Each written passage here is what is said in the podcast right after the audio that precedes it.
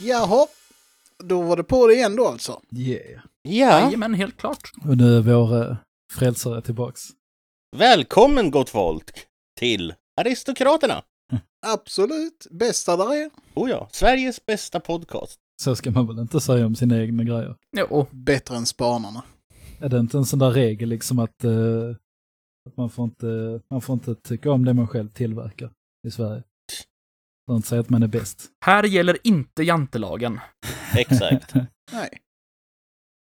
För vi vet bäst. Ja. Självgoda som vi är. Ah, där har vi en slogan. Sveriges bästa podcast och dessutom Sveriges mest absolut populäraste stream. Ja. Ja, Eller hur? Ja, ja, absolut. Yes, så är det. Och aldrig några tekniska problem. Om ni, om ni inte tror oss så kan ni gå in och kolla streamen själva. Precis. Världens sämsta smygreklam. Jag går in där och tittar. Ja, tre visningar. inget smyg här inte. Det är ingen smygreklam här. Det är klara bud på vad som gäller. Ja. Inte som man smyger med någons mor i garderoben. Nu ska vi inte dra upp det förflutna här Roland. Vi har lämnat det bakom oss. Nej, Alltså, jag vill ju inte att någon ska döma dig, Niklas. Så är det ju. En dag kommer du kunna släppa ditt Oidipuskomplex och inse att du inte måste döda mig. Eller? Mm. I och sig, jag kan släppa Oidipuskomplexen, men jag kan säkert hitta någon annan anledning till att slå ihjäl dig. det finns det väl alltid. Ja, det borde, det borde inte vara så svårt. På tal om att slå ihjäl sina kompisar så idag ska vi prata om rollspel. Oh, the segway! Ah! Ah! Jag kan ju för övrigt säga att det här med att slå ihjäl sina kamrater. Det är totalförbud i mina spelgrupper. Ah. Alltså, med rätt gäng kan det bli förbannat hilarious. Jo, men då ska det vara rätt gäng också. Och vanligtvis så har man en tendens till att mer splittra gruppen än någonting annat. Nej, alltså jag, jag, hade, jag spelade, spelade västern med två killar. Och de hade, de hade en godartad personlig vendetta mellan sina spelkaraktärer. Okej. Bla. Mm. Det, det började med att den ena killen dödade den andra killen. Aha. Straight out, straight out killed him. Inte, inte av, av misstag eller så här, för jag menar, eh, vad, är- vad är det heter? Collateral damage händer ju. Oh ja. Det känner man igen. Jag har en annan, två andra polare som, där, där ena killen faktiskt av misstag på grund av ett ganska så kapitalt perfa. Va? Perfekt slag. Mm. Råkade döda en, en av de andra i gruppen. Okej. Ah, är det typ så? Då ska ge han en vänlig knuff och så får han en critical hit. Jo, men det, fun det, funkar nämligen, det funkar nämligen så att om du slår, om du, om du till exempel kastar magi, Vänta, vilket system för det första? Drakar och Demoner 91. Okej. Aha. Om du kastar magi och slår ett perfekt slag, då ökas effekten. Mm. Det, det hände den här killen och han hade beräknat exakt så att han sku, skulle kunna kasta den här explosionen utan att skada medspelarna. Mhm. Så tror jag han slog en dubbelperfa så den ökades med två steg. Oh. Herregud. Plus att det var en annan faktor också som gjorde att magin, ut, magin ökade ännu mer. Så killen dog. Hur långt in i spelet var det? Eh, slutet på en kampanj som vi fortfarande håller på med ett och ett halvt år senare. Slutet av en kampanj ni fortfarande håller på med. Då var det nog fan inte i slutet. ja, precis. Fast å andra sidan, nu är det rollspel vi pratar om. Det, alltså grejen är att den här kampanjen drar ut på tiden av, av diverse orsaker. Men de två som faktiskt hade en personlig vendetta med varandra, där, slut, där ble, blev det så att den ena killen, det var alltid den ena killen som dödade den andra. Varpå den andra killen eh, gjorde nya karaktärer. Bröder, kusiner, buksvågrar till sin ursprungliga karaktär för att komma och söka hämnd. Åh herregud. Alltså buksvågor med av allting. Så det blev, det blev, det blev, det, det blev lite lätt hilarious. Ja. Jag kan ju säga det, jag har lyckats med konststycket att få ett äventyr att sluta innan det ens hunnit börja. På grund av en sån här sak. Okej. Satt och spelade Ion. Ja. Och skulle precis börja spela. Alla hade typ gjort nya karaktärer. Utom jag. Tror jag. Eller åtminstone, en polare har gjort en ny karaktär. Gjort en stor aggressiv eh, eh, truck. Mm. Med alltså tvåhandsyxa och hela kittet så här. Och det var lite kaxig person. Mm. Som utmanade min karaktär på eh, typ duell så här. Mm. Eh, och, och jag accepterade och tyckte, ja men det, jag ska bara ta och klappa han lite lätt på huvudet med svärdet. Mm. Perfekt slag, jag kapade huvudet på den jäveln. typ fem minuter in i spelet vi avslutade direkt. Ja. För min, för den här polaren, han blev så sur över den här grejen. Och spelledarna ville ju liksom inte göra någonting för att ordna till det heller. De var nej, nej, du hugger huvudet av honom. Och det var huvudet som såg ut, den kapade halva ansiktet på honom. There's no coming back from that. liksom, var men seriöst. Så, så det var liksom det här, spendera någon timme eller så med att göra karaktären och första som händer är att huvudet går av. Oops. Ja. Påminner mig lite grann om en av Magnus karaktärer. Ja, just det. Gjorda jävla dvärgen. Sam Det var första gången du sp- skulle spela Ian tror jag. ja, precis samma system och det... Vi tyckte i gruppen att det var en bra idé att medverka i en gladiatorarena det första vi gör i äventyret. Ja. Ja. Så ja, sagt och gjort, en liten ilsk jävla dvärg möter en, vad var det nu? Det var en barbar. Kraggbarbar. Kraggbarbar, ja, precis. Ehm, ja, det, det slutade väl på ungefär samma sätt där. Det var liksom armen av och eh, satte svärdet i pannan på dvärgen i fråga. Gick typ igenom halva huvudet. Japp. Oops. Något sånt där. Sen kom en häxa och återuppleva dvärgen så det fick ett fint R. Uh, Hädanefter kallar jag han för Torbjörn Halvpanna. Det är skitbra. Så det är det som är så fint med Mm. rollspel också. Att eh, det dyker upp sådana moments liksom. Ja, Precis. Mm. Det får man inte annars. Nej, precis. Men det är det här som är lite grann glädje med rollspel tycker jag. Att man får sådana fina minnen. Mm. Mm. Mm. Jo, men alltså det... Och, det, och, och liksom när man, när man träffar ett gäng rollspelare så liksom... Det är väldigt lätt att börja prata, börja prata rollspelsminnen. Ja, verkligen. Mm. Oh ja. Oh ja. Men om vi då ska eh, faktiskt ta och försöka beskriva vad är rollspel? För de som kanske inte har riktigt koll. Alltså rollspel, det är, det, det är någonting man tar till när man har varit ihop med samma donna i fem Nej, år. vi skulle inte prata om det där sa vi, för helvete! Bryt! Bryt! Ja, nej, nu jävlar! Thomas, du är utvisad. Du, du får inte vara med längre. Jag skulle personligen re- rekommendera att man får in rollspelet så tidigt som möjligt. Så att man är, man är garderad. För att tänk vilken sv- svag man du visar dig som när du plockar fram det liksom i sista minuten. Som ett desperat försök att, att rädda Do äktenskapet. not go down this path people! Jag, jag tror att Niklas vet allt om det där, så att... Nej, alltså, det handlar inte om att rädda äktenskapet, det handlar ju bara om att när man har gjort allt annat. Mm. Liksom, när kisset, när, Nej, när kiss och bajs inte räcker. Ge dig för fan! Så, så, så rollspel är en Ja. högre nivå än kiss och bajs. Nej, Bryt! inget mer liksom, av det! rätt på dina prioriteringar, Thomas. Alright, stop it! I will turn this stream right around! Jag vänder den här podden om här och nu.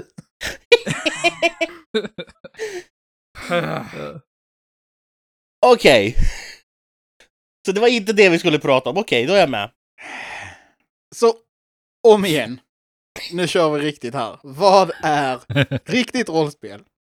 När jag har försökt förklara det för folk som inte har koll, eh, då jämför jag det lite grann med improviserad teater. Mm.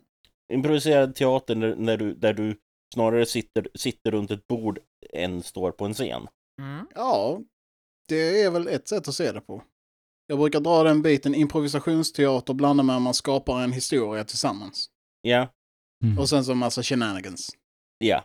För seriöst, jag kan tycka det är väldigt fint och trevligt att vara 100% hela tiden. Om man klarar av det. Men glädjen i att sitta och spela är alla shenanigans, alla dumheter, alla Jaja. löjliga kommentarer och referenser. Och det som gör att det blir roligt, det är det bästa. Ja. Så liksom umgänget som kommer ur det. Ja. Det blir en väldigt unik gemenskap. Mm. Det, det har jag slagits av varje gång jag har satt mig ner och startat en rollspelsgrupp med, med några. Jag tror att det är en av de få eh, saker där man kommer in i lite så här tribe mode. Att man är liksom en grupp män som så här försjunker sig i någonting tillsammans. Så här djup nivå och, Vuxna män gör saker tillsammans. och liksom blir väldigt tajta och skapar gemenskap. På samma sätt som, eh, som i krigszoner eller i katastrofområden så utvecklas det sån här tribe-gemenskap. Eh, jag, tror, jag tror det är det som gör rollspel så bra. Vi kommer i kontakt med vårt, eh, vårt djuriska urjag. Nu vet jag inte riktigt vad det är ni spelar, men Alltså jag kom på det ungefär precis, den tanken som jag inte har provat att orera innan, så det kanske lät lite lustigt. Men jag, där, jag tror definitivt det är något. alltså, gemenskap, ja. Att man, man får ett särskild koppling till varandra, absolut. Mm. Någon form av stamliknelse, nej. Ja du, ska vi inte vara sån. Nu, nu är jag sån. Men okej. Vilket system? Okej, nu, jag är sån här, jag tycker om system. Så ifall det är Eon eller Drakar och Demoner, Dungeons and Dragons, World of Darkness. Har ni något favoritsystem? Nej. Av alla de som har räknats upp så kan jag faktiskt säga att jag, då tycker jag om E.ON allra bäst. Mm. Det, visst, det blir ju en hel del T6or, men jag vet inte, det, jag tycker det är något tillfredsställande när man har bara man bara samlar på sig mer och mer T6or i det slaget man har liksom. OB-systemet är awesome. Man vet liksom aldrig när det går åt helvete. Precis! Det är det som gör det hela så mycket bättre. Det är, det är lite det som är så roligt just i, det, i E.ON, just med OB-systemet, att de har båda två det här att okej, det går åt helvete. Hur mycket går det åt helvete? Mhm. Det går så in i helvete åt helvete. När man är uppe på sin tolfte sexa. Ja, precis. Eller typ, det går bra. Okej, hur bra går det? Det går skitbra! Eller det går så här lite halvbra. Det, det, det, det är ett ganska intressant, kan man säga, balanserat katastrofsystem om man säger så, om man tänker på typ fummel och sådana där saker. Mhm. Och ganska, när man väl har lärt sig det i början så är det ganska lätt att komma in i det. Mm. Nu är det ju många som beklagar sig över Ion och säger att ah, men det är alldeles för mycket regler. Well, they're dumb. Men ja, alltså om man ska köra med alla regler då blir det ju jävligt jobbigt. Men som alltid så är det det att man tar och kör efter det som funkar. House ruling rules, Ja, tycker jag. Mm-mm. Definitivt. Det är det som är problemet. För det, de spel jag har spelat primärt har ju haft house rules upp över öronen. Mm. Båda två. Eller eh, i, i, i de flesta fall. Eh, mest för att systemet... Ofta, ofta har det handlat om att systemet varit broken. Mm. Eh, eller åtminstone på tok för eh, simplistiska. Har du något exempel? Drakar och Demoner, Mm. femte utgåvan från 1991. Det är väldigt lite av de, de grundreglerna vi använder när vi spelar det. Mm. Bland annat därför att all magi tar i princip en hel stridsrunda. Aha. Eh, vilket gör att magikerna, som traditionellt kan vara ganska heavy hitters, blir fullständigt kastrerade. De kan inte göra någonting. Det är liksom, okej, jag kastar den här och sen får du sitta resten av stridsrundan. Har du då, har du då tre andra spelare som ska göra, ska göra sina stridsrunder med typ tre, kanske fyra handlingar. Magikern kan ju bara, liksom, kan ju liksom bara köra tummen i arslet och sätta sig. Mm. För de kan inte göra någonting. Alltså det låter ju lite gay. Ja, Eh, Nu har jag inte superbra koll. Jag har inte spelat jättemycket rollspel på en seriös nivå. Men har inte magikern ofta lite om en sån supportroll? Det snarare hade varit bra rent, vad ska man säga, systemmässigt om de var tidigare i eh, sekvensen. Mm. Ja, alltså jag tycker väl inte det är några problem med att det tar en runda för dem att kasta en besvärjelse. Alltså vissa grejer har, tar fortfarande hela stridsrundor. Men vi har även, det vi har gjort är att eh, banta ner vissa av deras spells som, kan, som, kan, som, som, som de blir snabba. Typ instant. Ja, bara en handling. Mm. Ja. En stridsrunda i systemet är i grund två, men kan utökas till fyra handlingar. Mm. Eh, med beroende lite grann på. En, ett sätt att få en extra handling är att ha hög smidighet och en annan är att ha hög eh, högt FV. Har du över 20 FV så kan du eh, utföra en fjärde handling med vapen. Mm. Det är en ren strids... Strids det är ju bara, handlingar handlar egentligen, han, används ju bara i, strids, i stridssituationer. Eh, men det är Mm. fortfarande inte mitt favoritsystem. Mitt favoritsystem det är GURPS. Mhm. Generic Universal Role Playing System. Mm. Har du lyckats lära dig det? Inte helt. Jag har satt mig ner och försökt läsa på och få in det, men jag vet inte, det, det känns som att det alltid snurrar till sig på något ställe så att man får börja om och läsa och sen så blir man trött. Alltså det man ska göra är att man ska ju läsa, man ska ju läsa grundreglerna. Ja. Eh, inte, sätta sig, inte sätta sig till exempel om, för er som inte känner till det, GURPS är ett open source, eller vad man, vad man kallar det. Mm. Det är Steve Jackson Games som har utformat det, för övrigt. Eh, de, samma killar som, har, som gör Munchkin och eh, alla dessa kortspel. Aha. Jaha. Munchkin är ju mega fett. Ja. Mhm. Eh, de utformade gen- GURPS, Generic Universal Role Playing Game, Role Playing System. Vilket är ett öppet system så att du har ett grundsystem och sen kan, sen kan, kan i princip vem som helst, jag tror de får- måste betala en licens, li, liten licens dock, eh, publicera med det systemet. Mm. Så det är öppet för alla former av settings. Så det finns liksom hur många settings som helst. Det är allt från västern till eh, Cthulhu till eh, kaniner.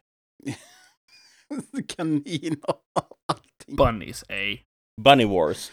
Åh, det får att tänka på, eh, vad fan heter det? Neo Games gav ut ne- Neo Viking.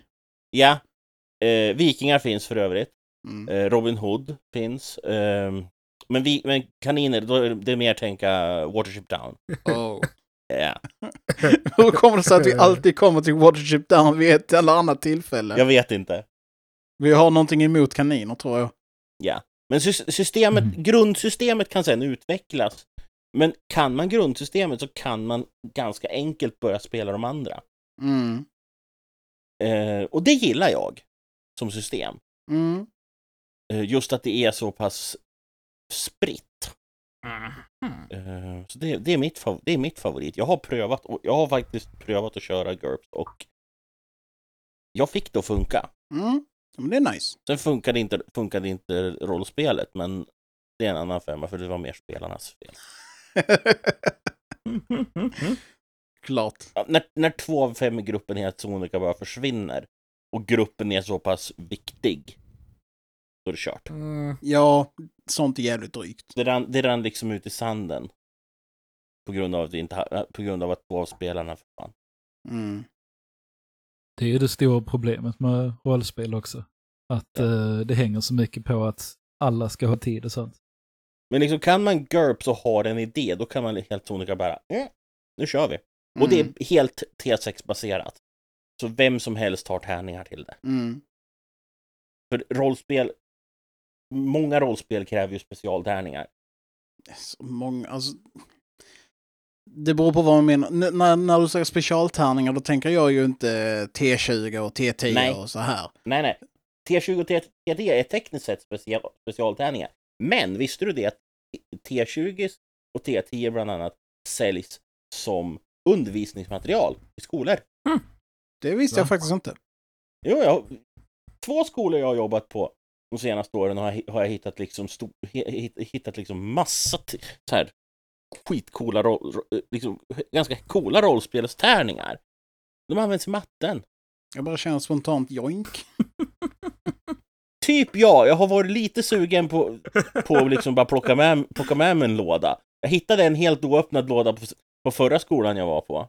Grab it. Stjäla skolmaterial, vad är detta? Jag anar att du skulle vara en sån skurk, Thomas, som stjäler skolmaterial. Mm, Usch, det skulle jag aldrig göra. aldrig. Men jag, som jag sa, jag har varit, jag har varit Mm, lockad, men jag har inte Ja. gjort det. Temptation. Det säger jag också. Yeah. Temptation leads to heresy! Men jag kan ju säga det att för min del, vad gäller system. Eh, jag tycker om OB-systemet. Att Ja utgå eh, från T6or. Att igen, det bara är T6or det handlar om. Eh, man slår, får man en sexa, då tar man sexan en tärning till och så fortsätter man slå tills det inte är fler sexor. Det, jag jag gillar det systemet. Det är väldigt enkelt och det öppnar upp både för katastrofala fummelslag och eh, absolut fantastiska, perfekta resultat, typ. Mm. Det låter ju perfekt. Mm. Ja, Jag, jag har ju spelat jag har spelat ett x antal system genom åren. Både Eon och World of Darkness och Drakar och Demoner och diverse homebrews. Eh, Eon, jag gillar Eons system, det, det håller jag med om. Det, det, det, det, det är ett roligt system. Mm. Eh,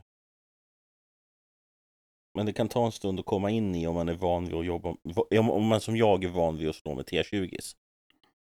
Så jag har aldrig riktigt haft det problemet med att det är svårt att gå från system till system, för jag har kört ganska mycket både med T100-system Mm. eller procentsystem. Jag har kört med, eh, eller om man tänker World of Darkness, med po- die pools. Ja, Och sen så har jag kört lite grann med alltså, T20-system också. Både Drakar och Demoner-version och Dungeons and Dragons-version.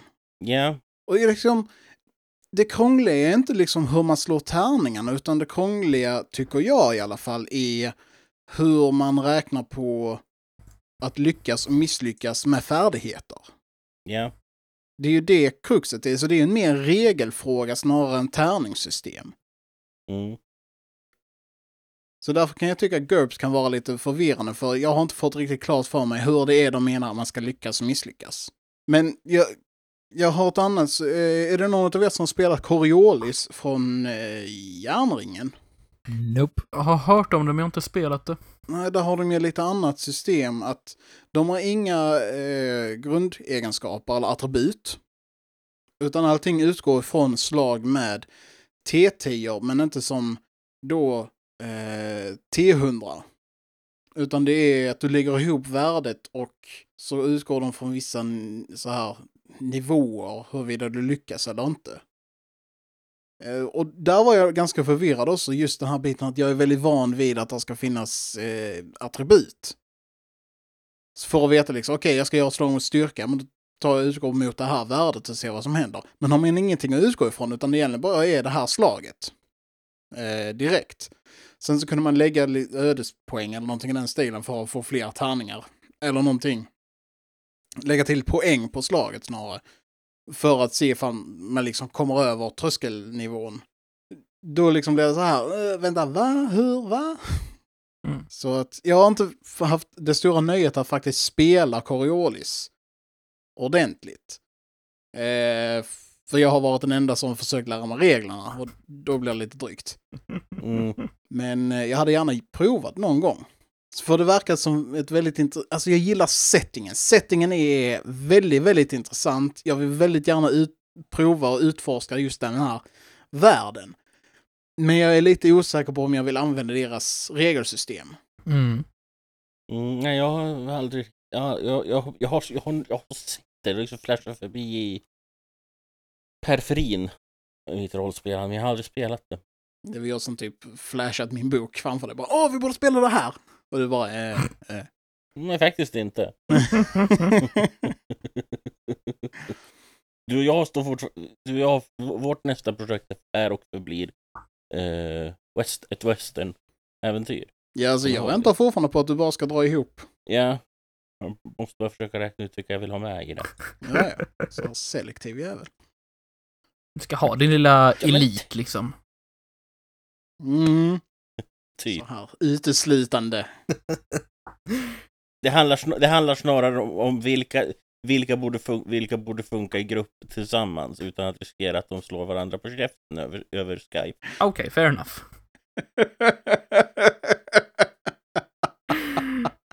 jag vet vad du försöker komma med det här.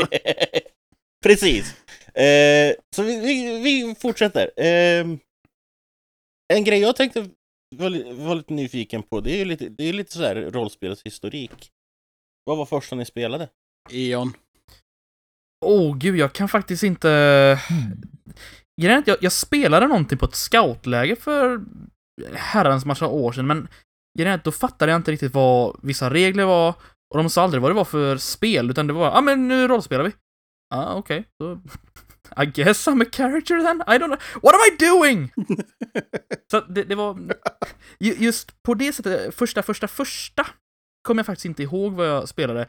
Men om man ska dra på det första officiella som jag vet vad det var jag spelade så var det faktiskt World of Darkness. Jaha. Ja, just det ja. Det var det. Det kommer du ihåg Roland? Det var jag som var spelledare. Åh, jag tror jag gjorde ett sånt här eh, hopkok. Det, det är en grej som jag spelade med dig också innan, Thomas. Ja, Jag gjorde en one-shot med World of Darkness i andra världskriget-tema. ja, ja. Ja, Mm. Så eh, jag körde samma äventyr då. Jag gjorde första gången med Thomas och några polare. Och andra gången gjorde jag det med Magnus och några polare. Så det blev lite annorlunda utformning mellan gångerna. Men jag tror nog att alla var glada och nöjda. just det. Den one-shoten körde jag på GURPS också. Det var den du Nej. körde? Okej. Ja, jag snodde ju den av dig. Mm. Nej, jag trodde du körde med World of Darkness då. Nej, jag körde GURPS. Är jag helt säker på. Mm. Och för övrigt, det är det New World of Darkness-systemet som jag pratar om när jag säger World of Darkness. Jag tycker Ja. inte alls om Old World of Darkness. Definitivt inte Vampire the Masquerade. Det är Vedervärdigt skit, rent ut sagt. Och jag kan höra liksom the autistic screeching. Hos vissa. Jag menar, vi- om folk tycker om det, det, det är upp till dem. Jag tycker inte om det, så det, that's on me. Mm. Men ja, nej alltså det var väldigt kul one shot att köra. Särskilt med Magnus grupp. Jag har aldrig varit med så många roliga fail-slag som just i den gruppen. A word of advice till folk som vill spela just det här. Glöm för satan inte att lägga poäng på, vad var det nu jag glömde lägga på? Athletics. Athletics, ja precis. Det hjälper en hel del om man ska springa iväg och gömma sig eller klättra på saker. Ja, särskilt om man är två meter lång skotte. Vet, för fan är det, det första som händer är att eh, gruppen ska ner i en dal därför att de ska infiltrera något, eh, tys en tysk forskningsanläggning, Mm. typ. Eh, och i fallet med Magnus grupp så var det det att eh, de kommer till en eh, passage i bergen, en liten klyfta. Så de ska ta och kolla så att det inte är några patruller. Så det är en karaktär som klättrar upp från en liten avsats. Det handlar om typ tre meter eller någonting. Snabbt lätt upp. Och sen så kommer Magnus karaktär, Angus, Ej! och, och liksom ska ta sig upp med. Och han misslyckas på sina slag om och om och om igen. och istället för att göra en sån här typ, eh, vad heter det? I Dungeons and Dragons brukar man säga take 20. Men så att man i princip gör en automatisk success. Mm. Mm. Så eh, jag vet inte, vi, vi fortsatte och slog. Så jag tror vi kom fram till att den gode skotten stod i en och en halv timme och försökte ta sig upp för den här tre meters höjd. Han, han stod och hoppade på plats helt enkelt med repet i näven liksom. De andra klättrade upp, inga problem. Och sen klättrade de ner igen, inga problem. Han stod kvar. Mm.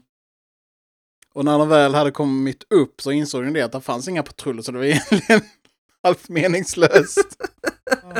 och vid andra tillfället som det gick åt helsike med Athletics-lagen så var det det de skulle springa över en äng. Och, och faktiskt undvika att bli upptäckt utav patrull. Och den gode Angus igen, han eh, tar språng, han ska springa, snubblar. Och igen, tar språng, han springer, snubblar. Så tre, fyra gånger gör han det här. Sen tar han sig över fältet. Samtidigt som där är en tysk patrullbil som kör. Och eh, det är så här på nöd och näppe att han inte blir upptäckt hela tiden. Alltså det låter som en helt perfekt karaktär. Han, var- han var fantastisk. Helt underbar. Det är sånt som skapar minnen. Ja. Och sen så efter de har sprungit över det här fältet, ja då sprung, skulle de springa över själva vägen där patrullen körde. Och Angus han tar sats, han springer, han kritfailar, har jag för mig. Han Ja, lägger sig rakt långt på vägen. Och i ren panik för att komma undan så gör han det som kallas för the Scottish worm. Okej. Han, han i princip försöker kravla sig över vägen istället. Mm. Mitt första rollspel var MUTANT 2089 Oj. Oh, klassiskt. Ah. från 1989 eh, som gavs ut av Äventyrsspel. Mm. Eh, men det var bara en kort grej. Eh, och en polare till min, mi, mina kusiner som, som tyckte vi skulle spela det och jag var med typ en eftermiddag och det var inte alls min grej. Eh, flyttar man sen fram några år så är det några polare till mig som eh, tycker vi ska börja spela västern. Mm. Så det var ju, det, västern var ju min första stora grej. Det och så, och så, och så ett hemmabygge där vi, ett riktigt så här jävla hemmabygge där vi kutade omkring och, sl- och levde, rö, levde rövare i vår egen hemst, he, hem, hem, hemort. Mm. Det var, dålig, var bara dålig ursäkt att typ springa in och göra dumma saker i butikerna. Fast bara, bara fantasi, och vi gjorde det inte f- faktiskt. Säger han i alla fall. Alltså det, det låter lite småpatetiskt faktiskt. Det är så här, ungdomar som ska hitta på bus. Och så Ja. vågar de inte göra det i verkligheten. Så de sitter på sitt rum och låtsas att de Ja. hittar på bus. Ungefär, Alltså. ja. Med regler och tärningar. ja. Slå ihjäl en drake? Nej, fuck that. Vi raidar Ica istället. Typ. Ja. Men det vi spelade, det, det vi spelade primärt, primärt var, ett, var ett hemmabyggt västern som byggde på det gamla västernrollspelet som gavs ut när, nu- när det nu var. Mm. Men det, det rollspelet är ju totalt broken dessutom så Alltså gamla spel har en tendens till att vara det. ja. Mm. De hade väl inte riktigt listat ut än. Om man gjorde ett bra spel. För, Men alltså det brukar ta en eller två editioner innan de faktiskt har benat ut saker och ting ganska ordentligt. Det var det som var problemet med Drakar och Demoner. De var på god väg med 91 års upplag och sen släppte de Kronopia och det var liksom bara nej. Mm. Vad var det för fel på Kronopia? alver som rider på strutsar till att börja med och hela settingen byggde på en enda jättelik eh, eh, utspelade sig i en stor stad. Snarare än en hel värld. Så det är väl inget större problem. Men det här med spetsöron som rider på fjäderfän, jag känner igen det från någonstans. World of Warcraft. Ja, det var den äckliga jävla Blood Elfsen. När jag roll, drog upp min Blood Elf så sprang hon tills hon var läge 48 och hade fått Exalted med, med en annan fraktion så hon inte behövde rida fågel. alltså, dedication. Jag blåvägrade totalt, aldrig i livet. Jag springer tills jag kan köpa, köpa något annat. Men du spelar fortfarande en Blood Elf. Eh, Det var en Blood Elf, ja. Mm. Female, so she didn't look as gay as the males. Nej, så bara så jävla bitch ut istället. Sant. Alltså det är, det är rätt illa när man väljer en tjej bara för att inte se så gay ut. Japp! Då kan du ju tänka hur killarna ser ut. Flamboyant as fuck. Truly. Ja, ja. Men nej, eh, vä- västern och vi hade jättekul. Vi, vi, vi var en grupp, vi körde av och till i eh, säkert fyra år. Och vissa av karaktärerna hade vi med under hela spelet. Nice. Och alltid med samma spelledare. Ah, ja. Och han hade en jävla bra, jävla bra fantasi. Sen, sen bli, kunde det bli lite lätt absurdistiskt. Bland annat så, så, så utplånade vi bröderna Earp vid något tillfälle. Oh! Mm. Historierevisionismen vis visade sig. Oh ja! Ja, det, det är ju intressant att göra det med. ja, vi tog, oss, vi tog oss lite friheter. Lite! Ja, men vad fan, det är väl det rollspel är till för. Eh, sant. Att ta sig friheter på folk. Jag äh, läste Alltså. inne på ett så här, ni vet eh, det här rollspelet Kult. Ja. Mm. Eh, det är ju mycket så här typ, eh, vad ska man säga, grova teman i det. Jo, Mm. Jag läste på ett forum dedikerat till det här spelet att en spelledare hade satt sina spelare då i en situation där de var tvungna att våldta varandra. I'm sorry, what? låter som, kult, Ja. låter som kult, ja. Ja, jo, det gör ju det, men vad fan? Det var, de var typ tillfångatagna av en demon. Så, så var det typ, jag vet inte, de var tvungna att göra det. Det var väldigt många sådana exempel på den sidan.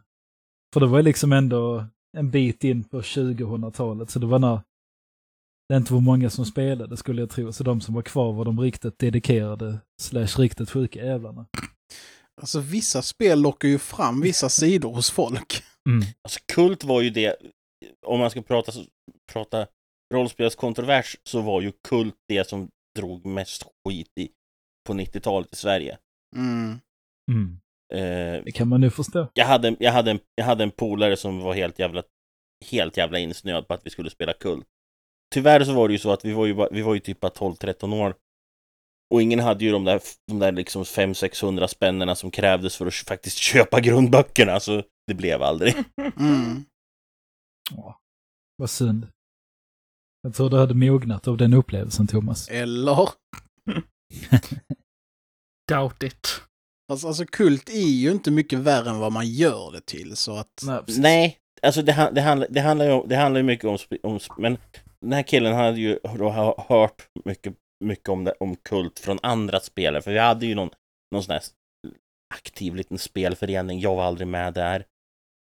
Eh, de verkade, verkade bra jävla skumma när man, när, man, när man hörde vad de höll på med. Så det brukar vara Mm. så. Ja. Utan vi, vi, vi, vi var ju helt oberoende, vi som, mitt gäng. Eh, men de höll ju, de höll ju på och hade spelat, de hade då spelat i både Kult och MUTANT och grejer. Och det var ju där den här killen hade kommit i kontakt med Kult. Han var ju bara, "Ah, fan vi måste spela Kult, vi måste spela Kult det är så jävla häftigt. Och så liksom började han Mhm. berätta och bara, You're a sick fucker. you are a sick puppy. liksom bara tabeller för våldtäkt. Liksom bara, vad fan, vi, vi, vi 13-14 år, vi, vi ska liksom inte sitta och rollspela våldtäkter. Vi har ju för fan inte ens fått doppa någon av oss. Alltså nu, nu känner jag att vi kanske ger, eh, ger ett dåligt intryck av det här spelet. Det är inte bara våldtäkter. Nej, det, det är det ju inte. Nej, det är massa psykoser och eh, blodsoffer och sådana roliga saker med. Ja, men då så. Mm. Ja, Ja, men det är lugnt. Det är liksom vardagsmått. Ja. man kan ju inte prata rollspel utan att prata rollspelskontroverser. Mhm. När de här kontroverserna började dyka upp var ju folk som misshandlade varandra och var något mord också va? I rollspelssammanhang. Där, mitten på 90-talet. Och allting då underblåst av en allmän så här, moralpanik från kyrkan och Livets Ord. Alltså, alltså folk lyssnar på de där jävlarna. Ja, Särskilt Livets Ord. Ja, men alltså. Ja. Det går inte att ta dem seriöst. Jag höll på att säga, let me talk to you about Sivert Öholm liksom. Mm. Ja. Så mina föräldrar tog ju ett snack med mig om det här med, för jag, jag pratade ju om att spela rollspel. Och de visste ju inte vad det, vad det handlade om, så jag fick ju förklara för dem. Alltså, tekniskt sett så leker Vi ska inte våldta varandra. Tekniskt sett så, så, så leker vi cowboys och indianer. Enda skillnaden är att vi springer inte omkring med knallpulverpistoler längre. Vi sitter vid ett bord med papper och tärningar. Ja, och en jävla massa då snask. förstår- vem som helst kan ju bli fan tokig av alla de där jävla tärningarna. Vad för fan? ja. Alltså, min spontana tanke när jag hör det är att jag vet inte fan om det är bättre. Att man Sant. leker cowboy indianer runt ett bord med papper och tärningar. Ja, men liksom, det var liksom den nivån på det. Det var ju inte, det var ju inte värre än så. Nej, men precis. liksom det värsta som hände, det värsta som vi gjorde, det var väl... eh, Har du någonsin sprängt en kyrka? nej, men jag, men jag har sprängt bort tre, av fe, tre av fem fingrar på en medspelares revolverhand. Eh, det är väl ingenting. Eller nej, det var inte jag, han gjorde det själv. Var det en critical miss? Hjärnan, han, han tänkte, han, han, han glömde ett viktigt steg när han, när han gjorde molotov cocktails. Aha. Aha. Han glömde trasan. Ja, ja. Nej. Han släppte tändstickan direkt i flaskan. Så kan man ju också göra. Kaboom! Återigen, det är det som är det fina med rollspel. Det har aldrig hänt i ett typ så här fysiskt spel, eller alltså datorspel eller så. Men det blir sådana spontana liksom moments av äkta dumhet och fumleri. Ja, ja. Och det, det var liksom inte ens ett fummel, utan han beskriver hur han gör, hur han gör en molotov cocktail. Han tar en whiskyflaska, drar ur korken, släpper ner en, släpper ner en tändsticka och vi konstaterar. Det där kommer att smälla. Boom. inte för att jag tror att det faktiskt skulle bli så, men eh, For dramatic effect. ja. Jo. Men vi löste det. Vi förband handen, hans hand och sen surrade vi fast revolvern vid handen. Han var fortfarande bästa, skyt, bästa, revol, bästa revolverskytten i gruppen. alltså vad fan. Åh, fan vad kul! Plötsligt så skapar ni världens fetaste karaktär. Att han har så här, en rev- han har bara typ pekfinger och tumme kvar. Som han kan skjuta med. Och så har han liksom revolvern fasttejpad på handen. Jag har aldrig hört om en så uh, intriguing karaktär i ett Han, han var baserad på Jonah Hex dessutom. Oh god.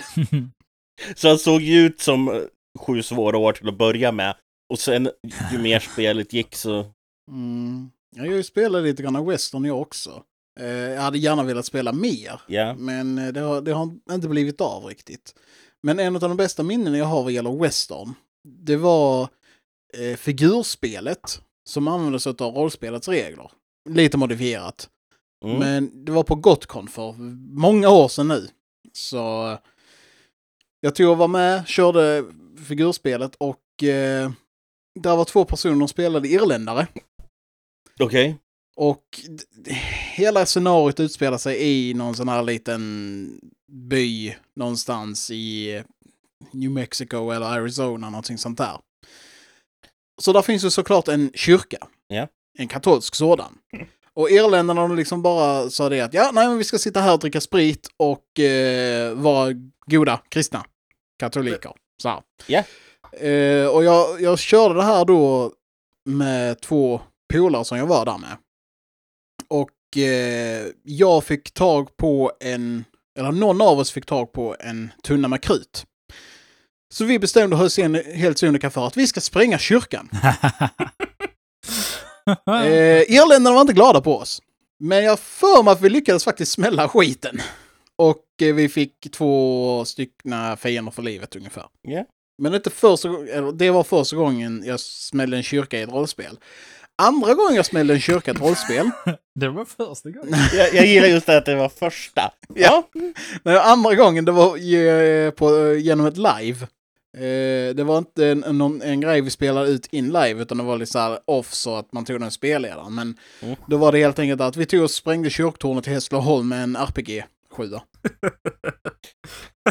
Såklart. Det var egentligen tänkt att raketen skulle gå in i eh, huvudbyggnaden, vad heter det, midskeppet. Ja. Och smälla där, men så hade vi en annan karaktär med oss som fick lite kalla fötter och liksom försökte avvärja det hela. Istället riktade han upp så att raketen gick rakt upp på kyrktornet. Ja. Det var ganska kul. Mm. Alltså, glorious Mm. moments. Så menar man hittar på lite dumma saker om jag något. Klart. Ja, ja, ja. Men fan idén att, eh, att köra rollspel där man har eh, riktiga världen, liksom sin omvärld, liksom sin local area som eh, setting, Ja, låter faktiskt jävligt cool. Det skulle jag vilja prova någon gång. det var ju det vi, det var ju, det var ju det vi gjorde i det här helt improviserade. Ja. Och, och vi kunde ju bli ganska, ganska, ganska absurdist, ga- ganska absurda i vissa saker vi gjorde. En, en stående grej var alltid, som en kille gjorde, en grej som en kille gjorde, han, var, han, han for till eh, vår högstadieskola. Och satte fyr på den. Nej, han letade upp rektorn. Och satte fyr på rektorn. Nej, rektorn var flintskallig. Så satte fyr på en skalp. Så han gav han Så hår. han eh, slog ner, han slog ner, han slog ner rektorn och polerade flinten med golvbordningsmaskin.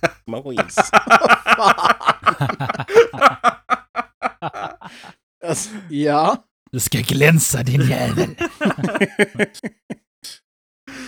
Ja, alltså, jag kan ju säga det, jag är inte någon stor fan av att ha spel i den riktiga världen. Åtminstone inte att vara historiskt korrekt. För att jag tycker att det begränsar så mycket. Jag tycker det är mycket, mycket bättre när man har en eh, påhittad värld. Mm.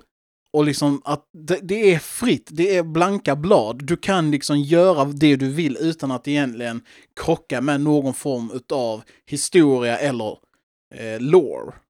Ja. Så det är just av den anledningen så är jag ju mycket mer inne på att jag tar och gör mina egna settings, mina egna äventyr och sånt där. Jag, jag föredrar alltid att vara spelledare. Eh, just för att jag... Jag vet inte, jag, jag tycker väl att det är mycket bättre att sitta och ha en översikt på saker och ting och veta hur allting ser ut i det stora snarare än att sitta på bara precis en liten bit och sen försöka stånga sig blodig mot en vägg till att försöka klura ut vad det hela handlar om.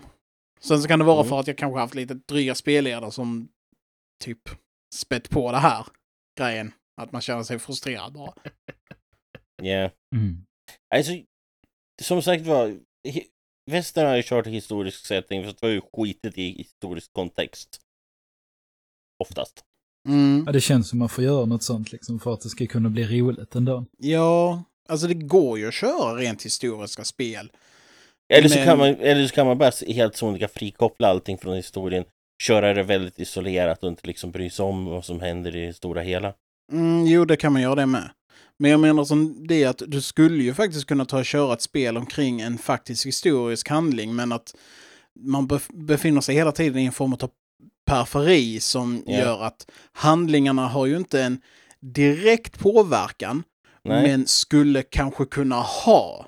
Mm. Förutsätter ju dock att, spe, att spelledarna inte, eller att, att spelarna inte får några egna dumma idéer.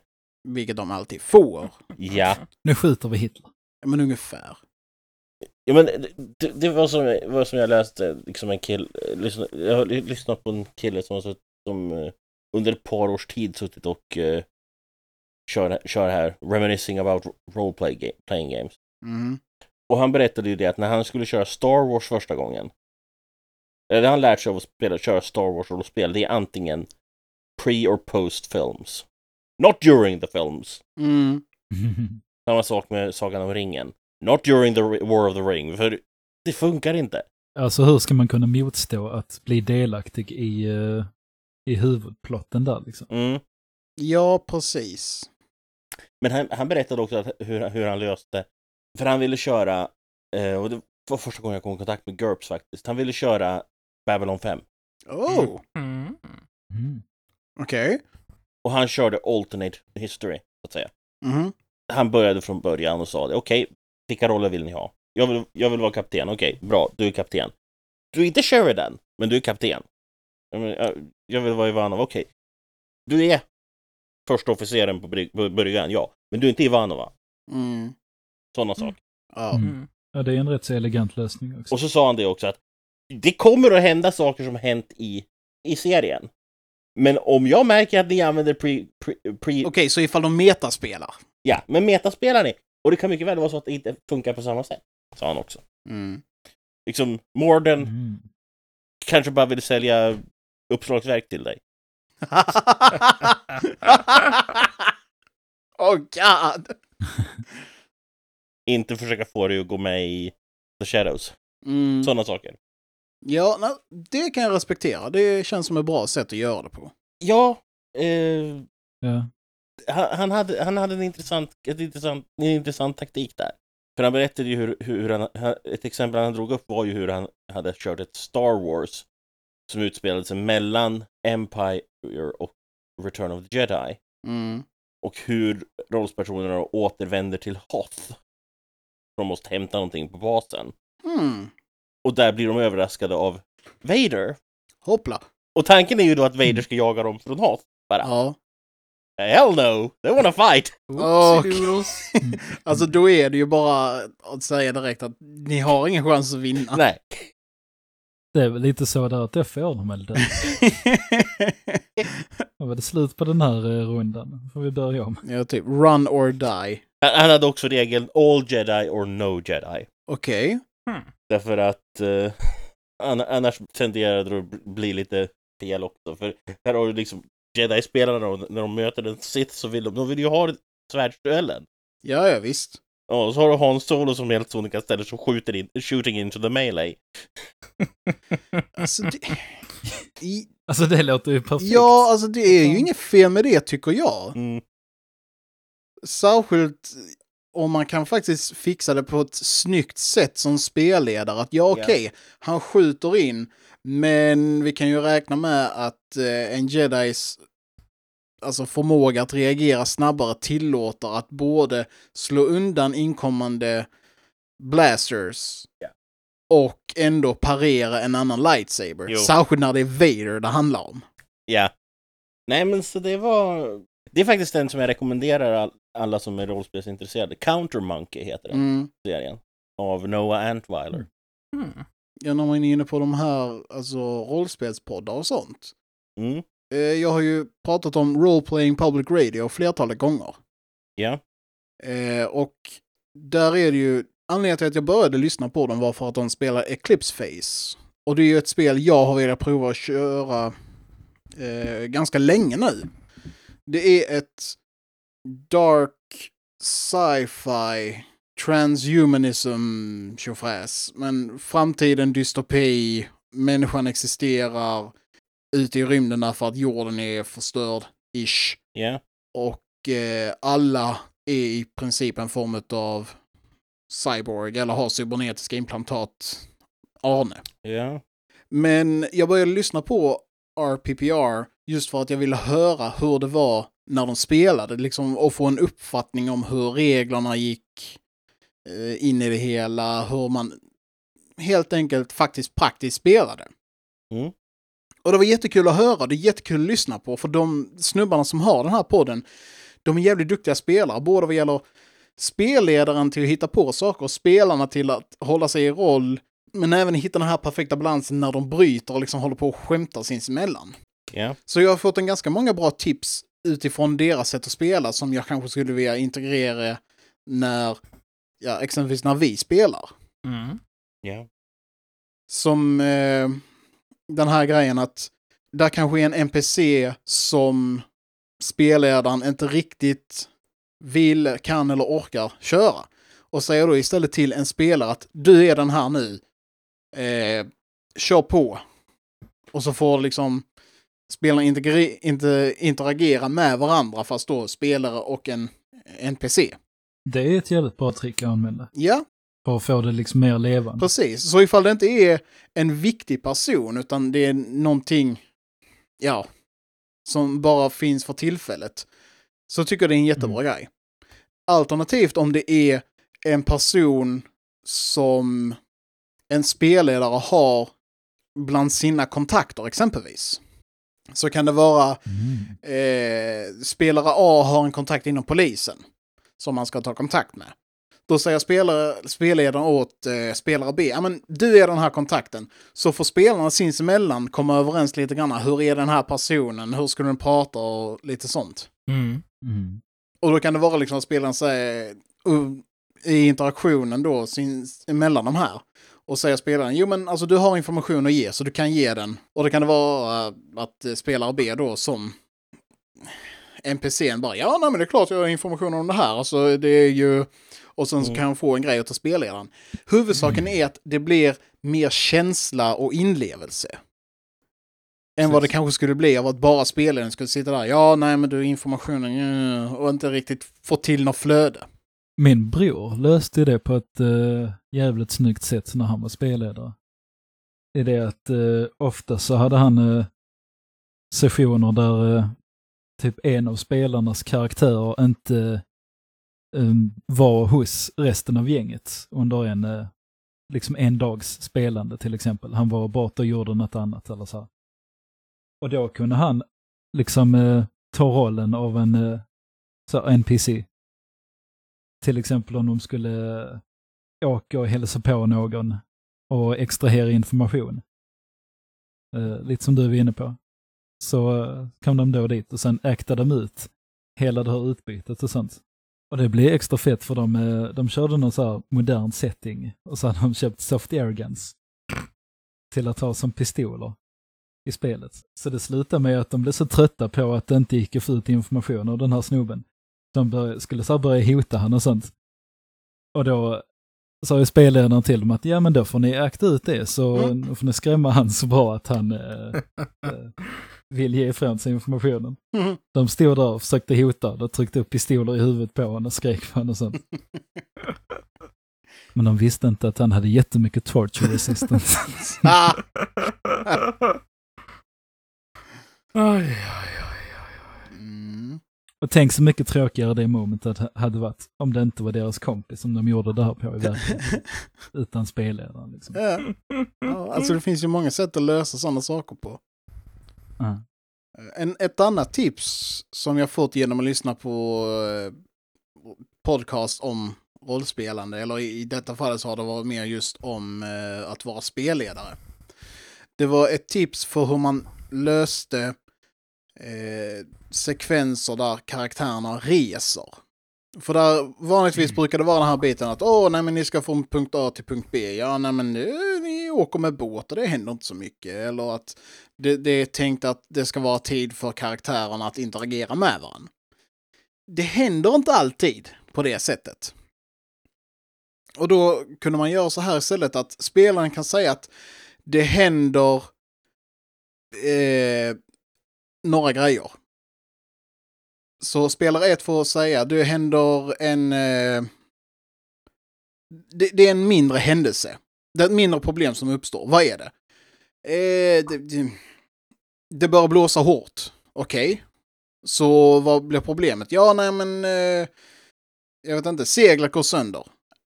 Okej. Hur löser ni detta? Så kollar man på nästa spelare. Så får nästa spelare då säga att ja, nej men alltså vi fixar det genom att sy ihop det. Okej. Då är det så ni fixar det. Så jag, jag, jag testade detta när vi satt och körde. Jag har ju gjort ett eget steampunk-rollspel. Och eh, då var det just en sektion där spelarna reste. Kommer du ihåg det Magnus? Ja, just det. Jag tänkte säga, jag tror du till och med testade den tekniken när vi körde lite Eon också. Så att, eh, Mm. Jag har testat då med. ja. Men i alla fall, jag har testat på er och liksom, jag tyckte att det blev ju, det blir ju mycket roligare just det här med att resa. Mm. Jag för mig ni fick typ en jättespindel eller någonting sånt där ombord på ett skepp vid ett tillfälle. Japp. Det hände, det hände. so that happened. They put the hunter on it. Ja, just det. Vad fan var det du gjorde för att bli av med skiten? Sköt den.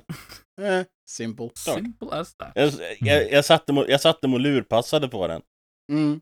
Just det. Men poängen med det här är ju just att man kan ta en väldigt tråkig sekvens där det lätt blir dåligt, alltså det drar ner det allmänna tempot på spelet. Men om man kan bibehålla det genom att liksom slänga in sådana här saker, stora små problem och de får lösa det, alltså ganska simpelt. Det behöver inte nödvändigtvis vara att det ska spelas ut i en timmeslång scen, utan det kan bara vara att nej men vi löser det genom att eh, vi sparkar på motorn och sen så hoppas vi att den går igång. Mm. Och så får man en sexa och så whoops, ni har trimmat motorn. Ja, nej men det behöver inte ens vara några slag, utan det är verkligen bara det. Där är ett problem, vad är det för något? Ja, det är detta. Okej, hur löser ni det? Ja, vi löser det på detta sättet. Då är det så det blir. Och jag tycker det är en jävligt bra grej. Det låter lite tråkigt, det måste vara lite risk också. Det kan man ju ha om man vill, men eh, det, är- det är väl upp till gemene spelledare. Ja, men lite så. Jag tänkte, vi, vi, vi har ju pratat en hel del om vad som vi tycker är bra sådana i rollspel, men jag tänkte vi skulle kanske ta och spy lite galla just nu. Okej. Vad, vad, vad är just det, det ni hatar i ett rollspel? Just verkligen, Dåliga spelare. elaborate. Tell the whole class. Vad, vad, vad känner du som... Eh, Ja. alltså, Okej, när, när man exempelvis det här. Eftersom att jag i huvudsak brukar vara spelledare så är det en stor grej jag verkligen avskyr. Eh, det är regelryttare. ja. Dryga spelare som hela tiden ska rätta andra Mm. och eller spelledaren Mm. på eh, hur någonting ska gå till. Det blir så fruktansvärt irriterande. Backseat game mm, GMing. Mm. Ja, för grejen är det att man behöver inte alltid gå helt och hållet efter reglerna. Man kan böja det. Mm. Det, det är väldigt simpelt. Regel nummer ett, spelledaren har alltid rätt. Regel nummer två, skulle det vara så att spelledaren har fel, gå tillbaka till regel nummer ett. Det är regel nummer ett.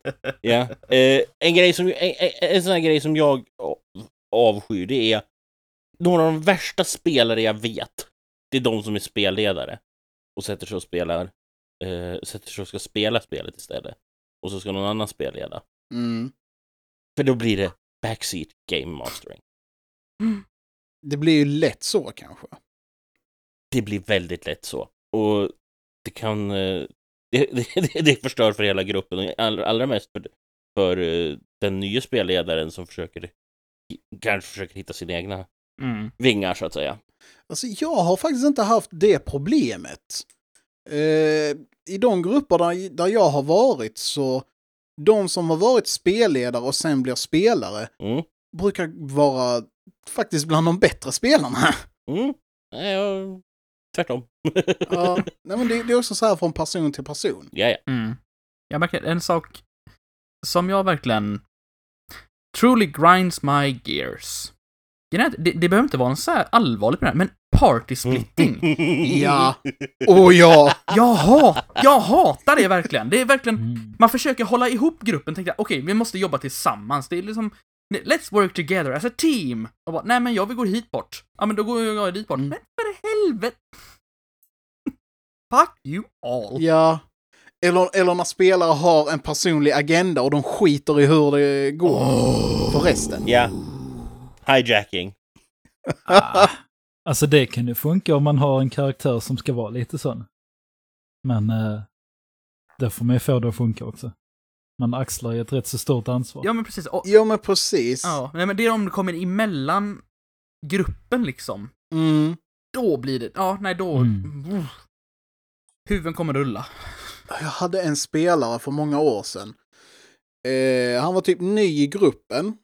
Så jag tänkte att ja, men, han, han kan få vara med och ha lite extra goodies. Därför att jag får med de andra spelarna hade kört ett tag och hade väl fått till lite granna buffgrejer. Mm. Eh, så den här nya spelaren han ville vara en tjuv. Så jag tänker, ja men det är väl inga problem, det går bra. Det kan behövas en tjuv i gruppen. Och vara sådär. Så han fick en liten artefakt. Eh, han fick typ en kula som när han aktiverade den gav en väldigt stark eh, ljusblixt. Mm.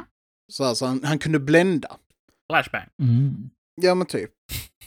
Så att... Så han bländade hela spelgruppen och snodde deras grejer. Ungefär. I'll get you that. Men eh, äventyret drar igång i alla fall. Och det märks ganska omgående att den här spelaren är mer intresserad av att driva sin egna storyline än att faktiskt hänga med gruppen. Så han sticker ju av och splittar hela tiden. Och jobbar aktivt för att backstabba de alla andra. Och det går så pass långt att i slutet på det här äventyret vi körde så kommer hela stadsgardet in på en taverna där gruppen är. De börjar mucka med varandra och alla spelare vill ju egentligen hugga ner den här tjuven. För han har verkligen fittat totalt med dem. Men tjuven lyckas få till så att stadsgardet vill gå på de andra spelarna. Oh, son of a bitch. Och han lyckas ju såklart komma undan för att han använder den här jäkla artefakten han fått. Så det var ju ett smart drag som så. Men han kommer undan, han snor alla andra spelares eh, loot. Och när han kommer undan, sticker iväg, så blir resten av eh, gänget nerhugget utav stadsgardet. One thief's gonna die tonight. Eh, ja, det var inte populärt. det är lite att tänja på gränserna för det här med att göra sin egen karaktär, känner jag. Eh, och sen så grejen var ju det att det visade sig att den här snubben, spelaren, han, eh, han var kanske inte riktigt den här eh, mogna spelaren som man hade kunnat trott att han skulle vara. Och eh, så fort det gick dåligt för honom, vi tog och körde ett annat äventyr senare, där hans karaktär också splittade från gruppen. Så istället för att hänga med de andra innanför stadsmuren och liksom, eh, ja, hänga och softa på en taverna. Nej, då skulle han slå läger ut i skogen, för det var ju så hans karaktär gjorde. Okej, fine, det får han göra. Problemet var att hela det här äventyret baserades på att staden i fråga skulle bli anfallen av en zombiearmé mitt i natten. Hey, I recognize this. Ja, hush. Om du befinner dig utanför stadsmuren när det kommer en fet zombie, eller vandöd armé, ska jag snarare säga. Eh, You're gonna be quite boned. Mitt i natten så vaknar karaktären i fråga av att där är någonting som rör sig utanför tältet. Så jag frågar, okej, okay, vad gör du? Ja, jag gömmer mig i tältet. Okej. Okay. Here's the kicker. Detta var Ion. Vandöda i Ion ser med hjälp av magi. De ser liv från levande tingest. Som en energi. Lycka till att gömma dig då.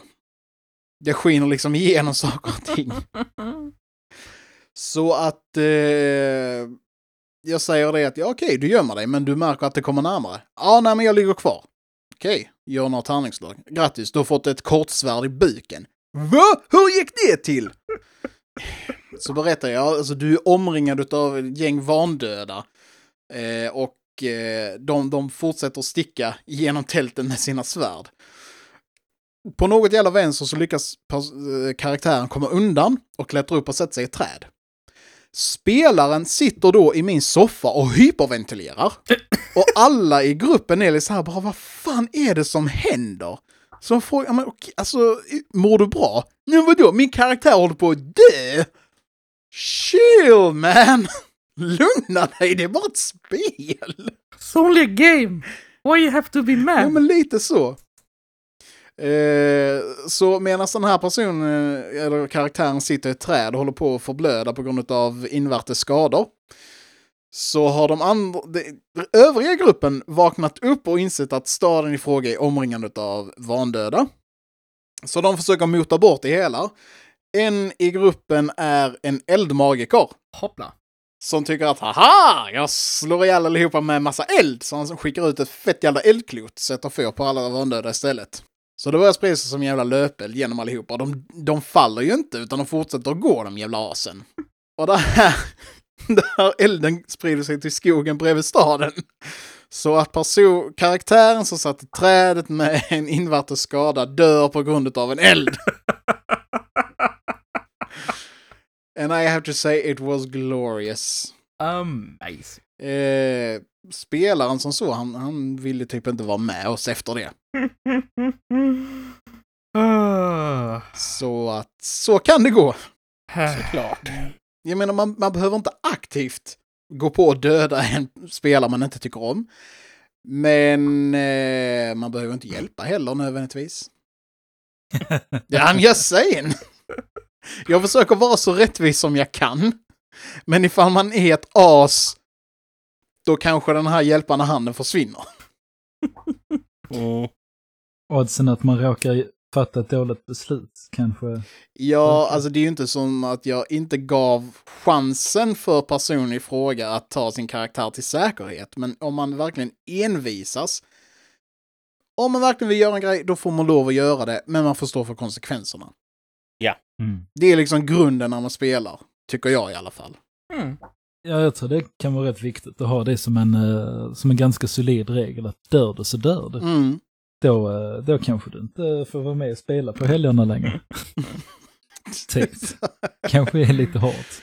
Nu förespråkar jag ju inte på något vis om man så här ska, ska stöta ut folk och sånt, men man får ändå tänka lite grann på den här biten, att hur ser det ut i gruppdynamiken? Funkar det att ha en person med som verkligen skär sig mot alla andra och bara skapar osämja? Både i spel och utanför spel. Det är ju en sak om det bara är osämja i spel, att folk kan hålla det där. Då kan man göra en rolig grej av det. Men när det blir att osämjan är lika mycket utanför spelet, då får man liksom tänka om. Mm. Ja. Så att jag hade ju liksom tänkt ta ett snack med den här killen och säga det, alltså, det här funkar inte, du, du kan inte göra så här, men eftersom att han inte dök upp igen, då blev det att jaha, nej men då, då får det vara då. Ja, herregud. Någon annan som vill tillägga på någonting som de verkligen grinds their gears, so to speak, i spel? Grinds my gears, vet fan, men eh, det största problemet med, med typ rollspel är ju definitivt eh, typ att faktiskt hitta tid att träffas.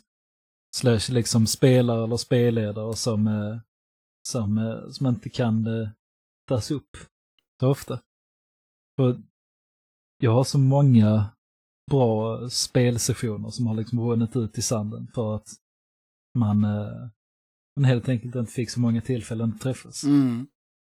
Och det är så jävla synd. Det kan ju lätt bli så liksom. Det är knappast något man kan klandra, klandra något för så som eh, problemen du lyfter i Holland. Men det är ju verkligen alltså, en av de största svagheterna med rollspelande. Alltså det som dödar flest spel är just det här bristen på tid. Ja. Och just det att det kräver att man, eh, man träffas allihop, alla ska ha tid. Träffas på en och samma plats.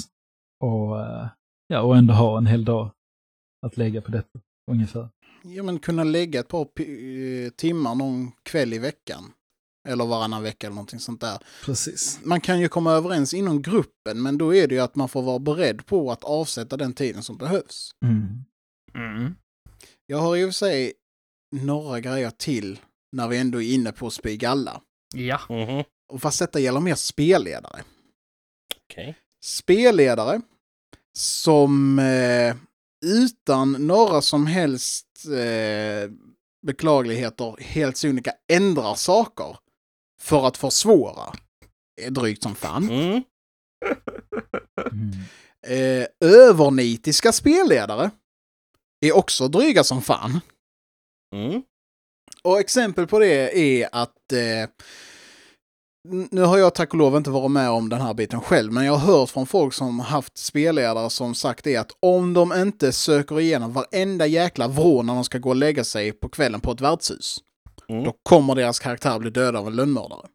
Fuck! Ja, jag fick höra det liksom att i den här gruppen så var det att om en spelare inte kollade under sängen, i garderoben, utanför fönstret, bakom gardinerna, eh, x antal andra ställen, varje gång de skulle gå och lägga sig, då var de döda nästa morgon därför att det fanns alltid en lönnmördare där de inte hade kollat. What an asshole. Oavsett vad. Och spelarna menar på det att ja men alltså ni, ni har ju så här. Där är alltid folk ute efter för att döda en. What? Så det där är lite fusk. Och i så fall måste han ju bestämma på förväg att, eh, Ja. att i just det här värdshuset på exakt det här stället Mm, sitter en eh, lönnmördare och väntar. ja. Eller där är typ någon som är ute efter att döda dem. De här vägarna in har han. Men det där låter mer som att han, eh, han alltid hittar på i efterhand att ah, det tittar inte under sängen, det var där mördaren var. E- exakt. Alltså, jag, har, jag har haft en spelledare som har, varit, som, som har gjort gjorde en liknande grej, men han gjorde det bara, bara, för att jävlas med oss. Mhm. Om vi inte specifikt sa att vi gick och pinkade innan vi gick och la oss så vaknade vi alltid. Antingen så har vi pissat på oss eller så är vi akut pissnödiga. Sånt där är också bara drygt. Ja! Och fullkomligt meningslöst Mm. faktiskt. Ja! Låter som en sån här jävla makt... Jag menar, jag är uppvuxen, jag är uppvuxen med den, med den generella regeln att om spelledaren säger att du behöver gå på toa, då tar du med dig allt vad vapen du har, för då kommer något att hända. Du vaknar och är pinknödig. Jag, jag sätter på mig min... Jag sätter på mig full, full rustning och tung, tu- tunn, tunn hjälm och tar mitt tvåhandsvärd. Sen går jag och kissar. Mm. Ja men det är som i ett spel. Du går runt ett hörn, bara oh, extra hälsa, oh, e- extra ammo, save point. Hang on! Exakt. Men en, spe, en- spelledargrej som jag, jag har stört mig på, det är spelledare som slaviskt följer äventyret och inte kan anpassa det överhuvudtaget. Utveckla. Säg till exempel att du ska introducera nya spelare. Mm.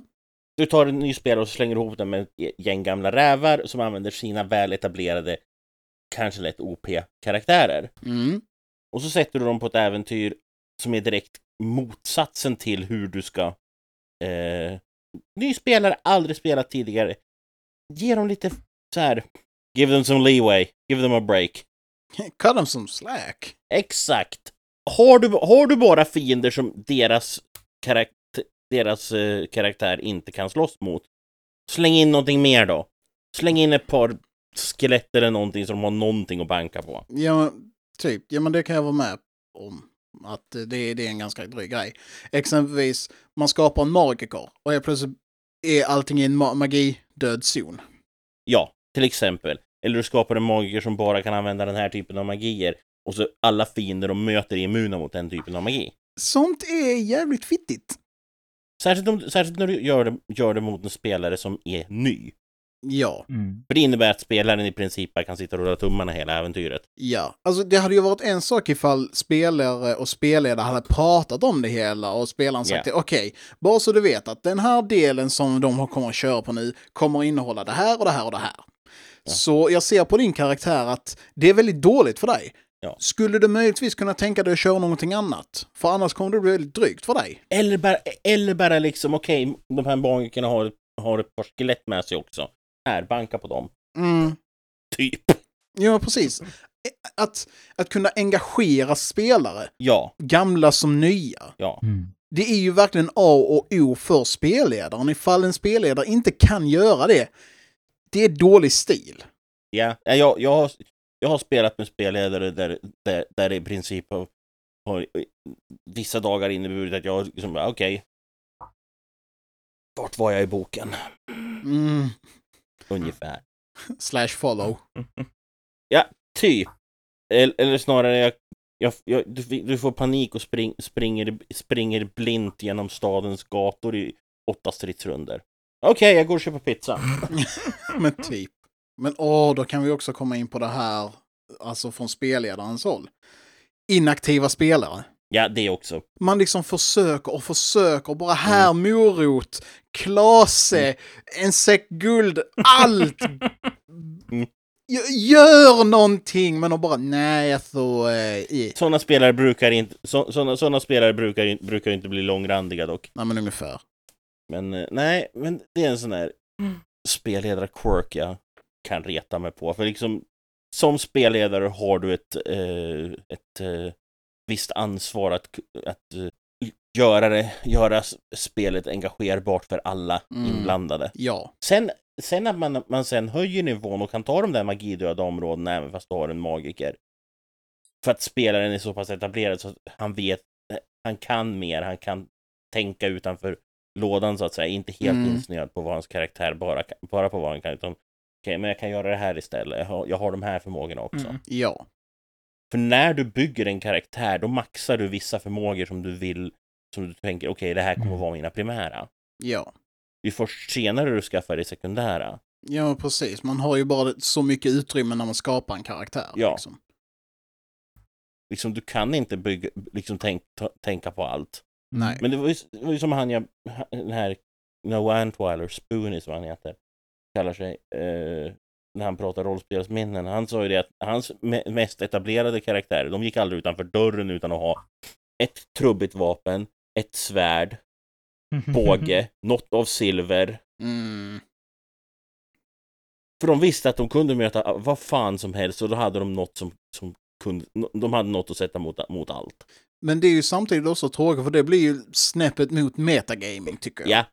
Jo. Och, och det ska ju inte behöva vara på det sättet heller. Jag tänkte säga det, komma in på det. Tänkte att vi kunde komma in på det sen efteråt, bara prata lite om det. Det, det nämndes ju lite förut, så jag tänkte vi kunde... Ja, absolut. Har du någonting att säga om metagaming? Åsuck. This is gonna be a big one. Alltså grejen är att Mm. jag, jag, jag har inte så jättemycket att säga, men jag tänkte jag kan, kunde prata lite om, typ, för, för de i uh, lyssnarna som inte riktigt eh, eh, är, kan man säga, bekanta med begreppet heller, men jag kan ju definitivt säga att it's so immersion breaking. Mm, alltså metagaming är helt enkelt att du spelar inte din karaktär eller utgår från vad din karaktär vet. Du spelar på ett sätt att du använder av information som du omöjligt kan veta. Eller karaktären omöjligt kan veta, ska vi säga. Mm. Som det är att, låt säga så här. Gruppen är delad i två för tillfället. Par ett eh, är på andra sidan stan och håller på och drar information från en NPC. Medan grupp två håller på och eh, kanske ska köpa eh, vapen på marknaden. Mm. En spelare i grupp två lyssnar väldigt intensivt när spelledaren går igenom grejer med då par ett. Mm. Som pratar med NPCn och får massa Ja. information och godbitar och sånt där. Ja. Mm. Och helt plötsligt säger det att ja men jag hänger med och gör det de gör där borta. ja, nej det funkar ju inte. Vänt, vänta, va? Det kan du inte. Du, du vet inte om något av det här. Du är på andra sidan stan och ska köpa ett svärd. Nej, det är inte alls. Eh, jo. Eller jo, det är jag. Men, men jag vill ändå vara med. Skit ner dig, ungjävel. Ja. Alltså, det är ett exempel på metagame. Det finns hundra många olika exempel och värre än det. Mm. Så att, nej men, mm, metagaming. No, no, no, no, no. Mm. Fy, fy. Som, nej men vad gör du? Okej, men om du gör det. Om jag slår på det här, då, då kan jag göra så. Wait, wait. Stop it. Stop it. Ja. Nej, alltså. Jag har bara metagameat en gång. Och Jag erkänner, jag har gjort det. Oh my god. I ett försök att rädda en situation som höll på att urarta totalt. Vad fan var det för situation då? Jo, eh, situationen var den att det var två spelare som hade hamnat i bråk och ena killen höll på att slå ihjäl den andra och vi kunde inte göra någonting för att få honom att sluta för killen var ju bärsärk. Mm. Eh, så det slutade med att jag kollade upp i regelboken hur bärsärk fungerar och formulerade en taktik utifrån det. Min karaktär skulle inte veta hur bärsärk fungerar, men liksom, det var antingen det eller så kom, kommer han att slå ihjäl någon och då måste vi slå ihjäl honom för att få stopp på honom. Evil for the sake of being good. Någon kommer att dö om vi inte gör det här. Jag höll på att säga, vad, vad är problemet här? That could be fun. No, it wouldn't have been.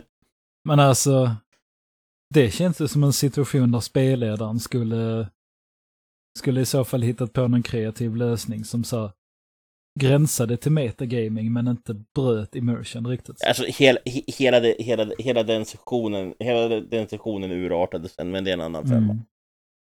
Det funkar inte riktigt. En tanke som jag hade, på tal om metagaming, Mm. var om man skulle... Jag tänkte innan när vi pratade om att använda verkligheten som setting och specifikt ens lokala område som setting. Så det hade ju kunnat... Mm, man skulle kunna göra en, en twist på det här med metagaming. Är det att man, eh, man spelar som sig själva ungefär med de kunskaper man har i verkligheten. Om, eh, om världen och de områden liksom man, man rör sig så här. Så kan man typ inte, inte metagama som så med kunskap man har som person gentemot sin karaktär. För att det, det är samma kunskap som man, som man börjar med i spelet så att säga. Jag tänker det skulle kunna liksom passa rätt bra ihop med setting som typ uh, Vampire of the Masquerade och World of Darkness och Kult och sånt. Som ändå är så här, vad ska man säga, i sidan om eh, till, eh, till verkligheten på något sätt. Alltså, jag förstår din tanke, men jag hade själv inte velat göra det för det hade varit väldigt tråkigt, tror jag. Nej men jag, jag, jag tänker att det skulle kunna bli jävligt coolt. För där börjar man liksom som att allt är ganska normalt. Sen så flippar det ut typ. Som, som World of Darkness till exempel, att uh, nu går du här och är Roland. Whoops, du blev biten av en, av en vampyr som drar ner dig i kloaken och nu ligger du där och bajsar ut dina tarmar och håller på att förvandlas till en Nosferatu. Alltså, Och, eh, och sen får Ja. du liksom ta det därifrån. Så det är fortfarande Roland och, och vet allt som Roland vet. Springer runt där i Glimåkra.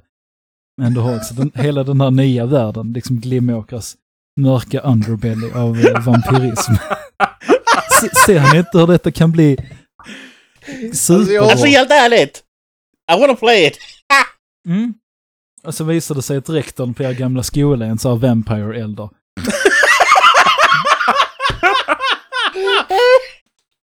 Åh nej, nej, åh nej. Oh, that makes so much sense! Oh god, nej. Åh, vad dumt. Roland! Let's make it happen! Vi måste dra ihop lite, lite, lite gammalt Glimåkra-folk och köra, köra det rollspelet. Alltså, Jag är mest förvånad så här att det finns Clark och skit i Glimåkra. Nu finns det det, håll käften. Ni har katakomber. Ja, vem vet vad som finns under gatorna där. Det är liksom kanske är ett stort jävla nätverk av Mm. katakomber och grejer då. Mm. Eller kult blir egentligen ännu bättre där, för det är ju... Oh my god! That's gonna be absurd. Japp. Kult har väl den settingen att, eh, att det är så här, verkligheten är en illusion. Och det finns en mörkare och ondare verklighet typ bakom. Så det passar oss jättebra in i det här att man är sig själv. Där kan man gå där och hålla på med sina vardagliga saker. Men så händer det någonting. Typ eh, Thomas blir mördad.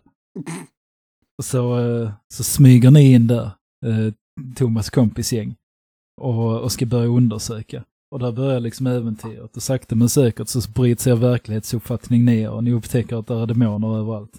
Och rektorn på er gamla skola är en, en så här demonkung som Alltså, tvingar er att våldta varandra. alltså, Och, I'm beginning to see a pattern here. ja, alltså jag, jag tror det här bara är Niklas snuskiga fantasier. Har han träffat vår gamle rektor? Jag vet inte, men jag tror att han vill bli dominerad av den gamla rektorn. men vad va, vad hittar du på för saker? Jag, jag vet ingenting om er, er barndom. Jag, jag försöker bara täppa in era, era deep minds. Jag tror, jag tror han projicerar faktiskt. Ja. Sluta. Jag tror, jag tror han vill metagamea med eh, gamla rektorn. Mm. Men, eh, av, vad, vad ska vi, har vi någonting mer att säga avslutningsvis?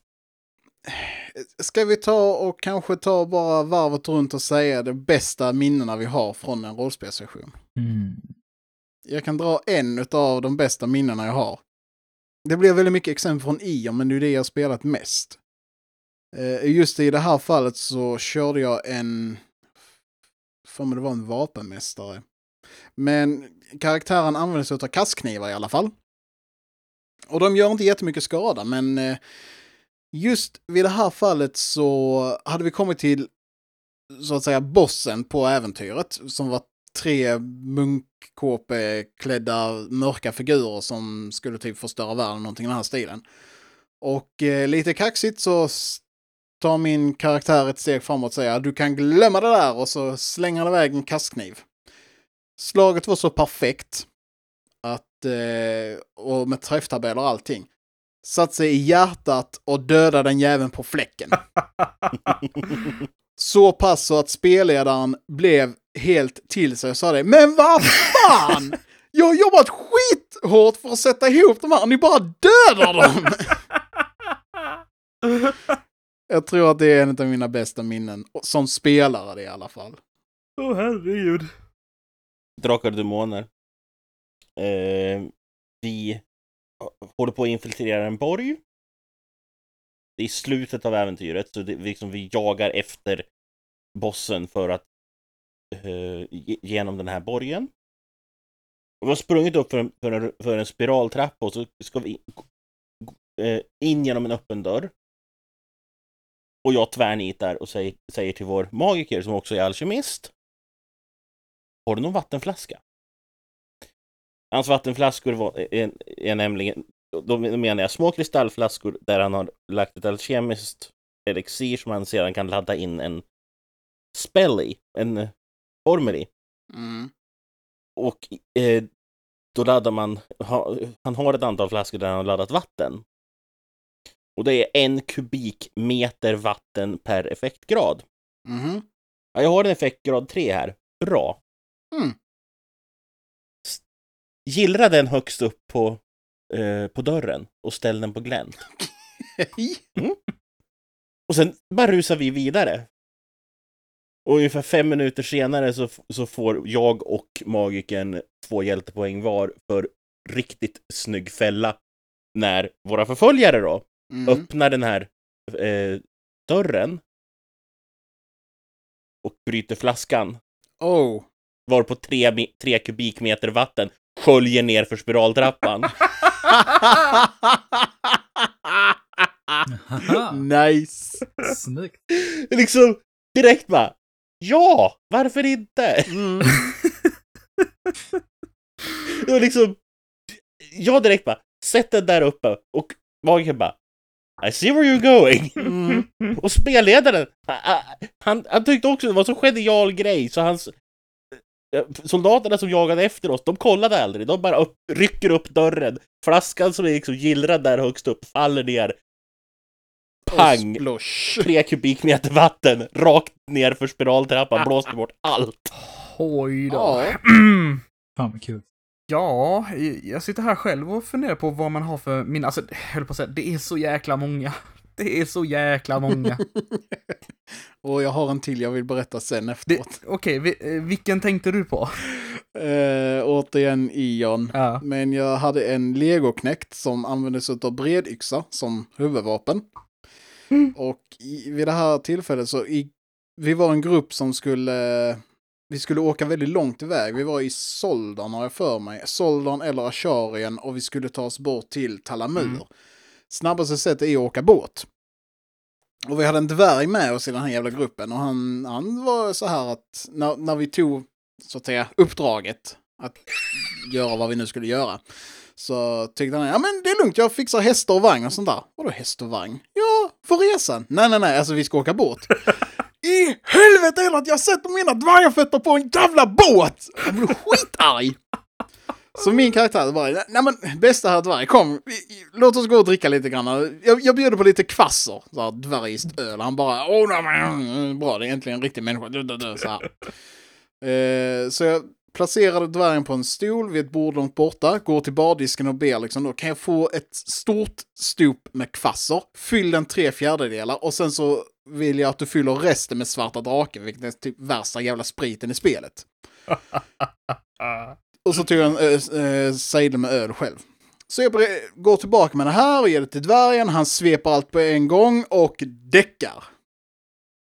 Så där satt jag med en däckad dvärg. Och en väldigt skarp bredyxa.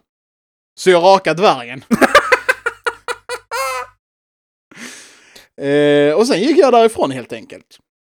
När dvärgen sen vaknade efter ett tag eh, ville han ju ha lite mer att dricka.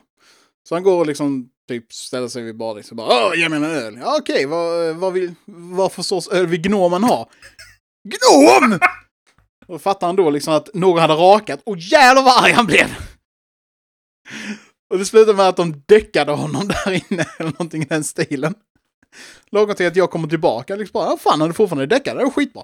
Så jag tog dvärgen, tog ner honom till båten, band fast han i masten och sen så åkte vi.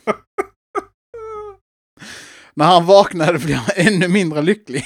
Och inser liksom att han dinglade någon dess ovanför däcket med fötterna helt fastspänd mot eh, masten. Och dvärgar blir ju extremt sjösjuka, så han spenderade den närmsta veckan någonting, den här eh, grejen, fastbunden och nerspydd. Eh, det var, det var inte jag, men jag var med i gruppen. Vi hade en civilmagiker som eh, fick för sig att ta ett silvermynt och lägga ett sigill på. Oh. Och i sigillet då så lägger han in eh, en liten minimagi som heter svordom. Okej.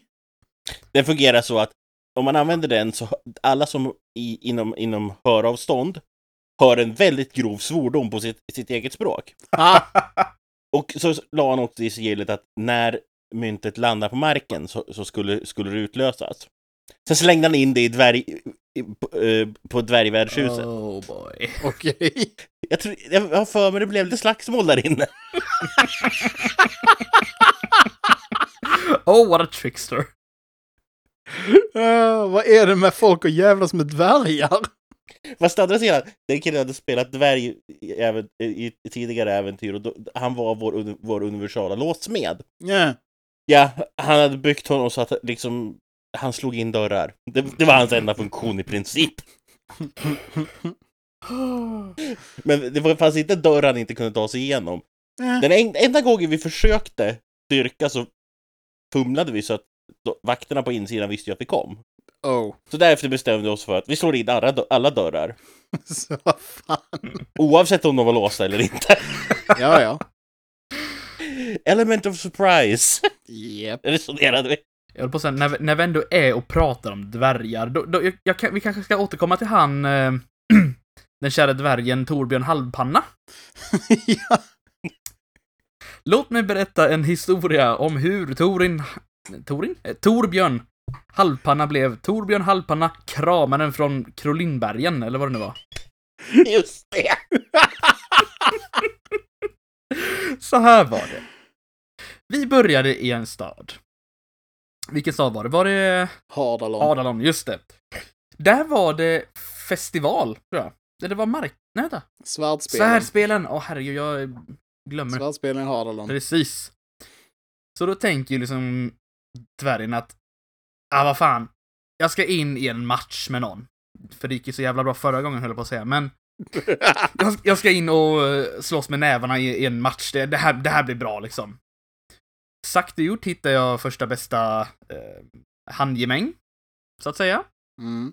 Varav jag får veta att mästaren, den obesegrade där, är en eh, stor, hårig... Det var en eh, lasttruck, va? Ja, eh, Frakttruck, förlåt mig.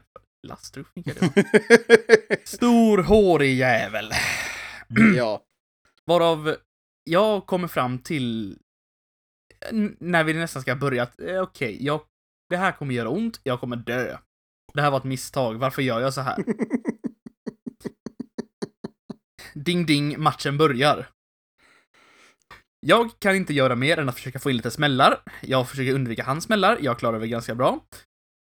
Och jag kommer fram till att nej, det här kommer inte att gå. Jag kommer fan inte få in en smäll så jag kan fälla honom. Um, Okej, jag grabbar tag i honom. Så jag, jag sätter honom i en, i en kram, helt enkelt. Och jag kan inte göra mer än att eh, fortsätta krama honom, för att jag tänker, släpper jag så kommer han att klippa till mig och... Ja, han kommer ha död på mig. Helt enkelt. Så jag fortsätter krama honom och använder styrka för att krama och krama och krama och krama. Till slut kollapsar hans jävla lunga. Så han går i marken. Och jag kommer fram till att jag kramade ihjäl honom. Henceforth fick jag då Mm. ett poäng i rykte och blev då känd som kramaren från Krolinbergen. Japp. Tis was Good times. Good times indeed. Än en gång, Drakar och Demoner. Jag snubblade in i en så här Street fighter ring Bokstavligt talat, det var ring på gatan där kille tog emot eh, utmanare i de mörkare delarna. Och det här var ju då med kniv vi skulle slåss. Mm. Och jag liksom, okej? Jag kan inte göra så mycket så jag drar min kniv. Och eh, han gör första utfallet. Jag lyckas undvika. Hugger mot knivarmen. Och får ett perfekt slag. Mm. Så när första, första blodet jag drar så hugger jag av honom handen. Med en kniv. Ja! Damn! Det var inte dåligt. Det var liksom bara... Spelledare, spelledare, han bara... han bara, Okej, Ja. du vinner! Du får plus tre i rykte i undre världen. Bara, tack! Oh yeah. Och två, och två, kni, två knivar som den här killen då använde som han slogs med. Mm. Liksom bara, okej. Mm. Mm. Känns som att vi, vi skulle nästan klippt ut den här sessionen och haft som ett separat klipp, så här bästa rollspelsminnen. För det här är verkligen sinnebilden av vad grejen med rollspel är. Mhm. Lite så. Mhm. Alla de här små momentsarna. Jag kan ju säga vad mitt bästa rollspelsminne är. Det är när jag blev våldtagen av rektorn på min gamla skola. Alltså seriöst. God damn it. Det är det jag säger. Niklas och rektorer, det är liksom... Nej, Ja. nej det har, det har aldrig hänt. Jag har aldrig spelat kul. En grej som jag tänkte, pi- tänkte pitcha lite grann bara. Om man är lite nyfiken på rollspel och vill få en insikt i hur det kan, hur det kan se ut. Darths and Droids. All right. Det är en webcomic. Jag tänker inte säga mer. www.darthsandroids.net Mm. Jag tänker säga, det är en webcomic där de tar scen för scen i princip från de olika Star Wars-filmerna, men får det verka som en rollspelssession. Ja. Det är helt fantastiskt roligt. Ja. De har, det, finns också, det finns också en liknande med eh, Lord of the Rings. Ja. Som inspirerade Darth and Droids. Den är skitbra. De, för övrigt, jag var inne och tittade nu, de har äntligen gjort klart Original, eh, Original 6. Mm. Så det är lite grann att läsa, helt enkelt. Ja, de fem, 1500 plus Mm. comic strips med kommentarer. Helt underbara kommentarer av skaparna. Ja. Summon bigger fish. That's all. Låter som en guldgruva. Men eh, jag tycker väl att det har blivit en fin liten rosett på det här. Och detta har nog fan blivit vårt längsta avsnitt hittills. Det har det. Det är ingen dålig bedrift. Nej. Men det är ju ett ämne som ligger mig väldigt varmt om hjärtat. Så jag menar, jag hade kunnat sitta i säkert ett par timmar till och bara prata om det. Och vi har mycket mer att säga om ämnet. Ja, och om folk vill höra, höra, mer, höra oss prata rollspel mer, låt oss få höra det. Maila oss. Skriv på Facebook. Tweet, tweeta oss. Send a Raven. Ring mig. Kommentera på Facebook, kommentera på Yo- YouTube, kommentera i Soundcloud. Skicka en uggla, vad fan. Ja! Leta upp oss! Gör vad som helst! Haffa oss på stan om du ser oss. Exakt. Men ja, så kan det vara. Men eh, jag tror att vi får säga tack så mycket till er som lyssnat. Ja. Och tack Thomas, tack Niklas, tack Magnus. Tack själv. Tack Roland. Ja, och eh, tills nästa gång allihopa. Hoppas det blir fint för er. Tills nästa gång. Tills nästa gång. Tills nästa gång. Farväl. Och Niklas vill bli våldtagen av rektor. Säg inte så.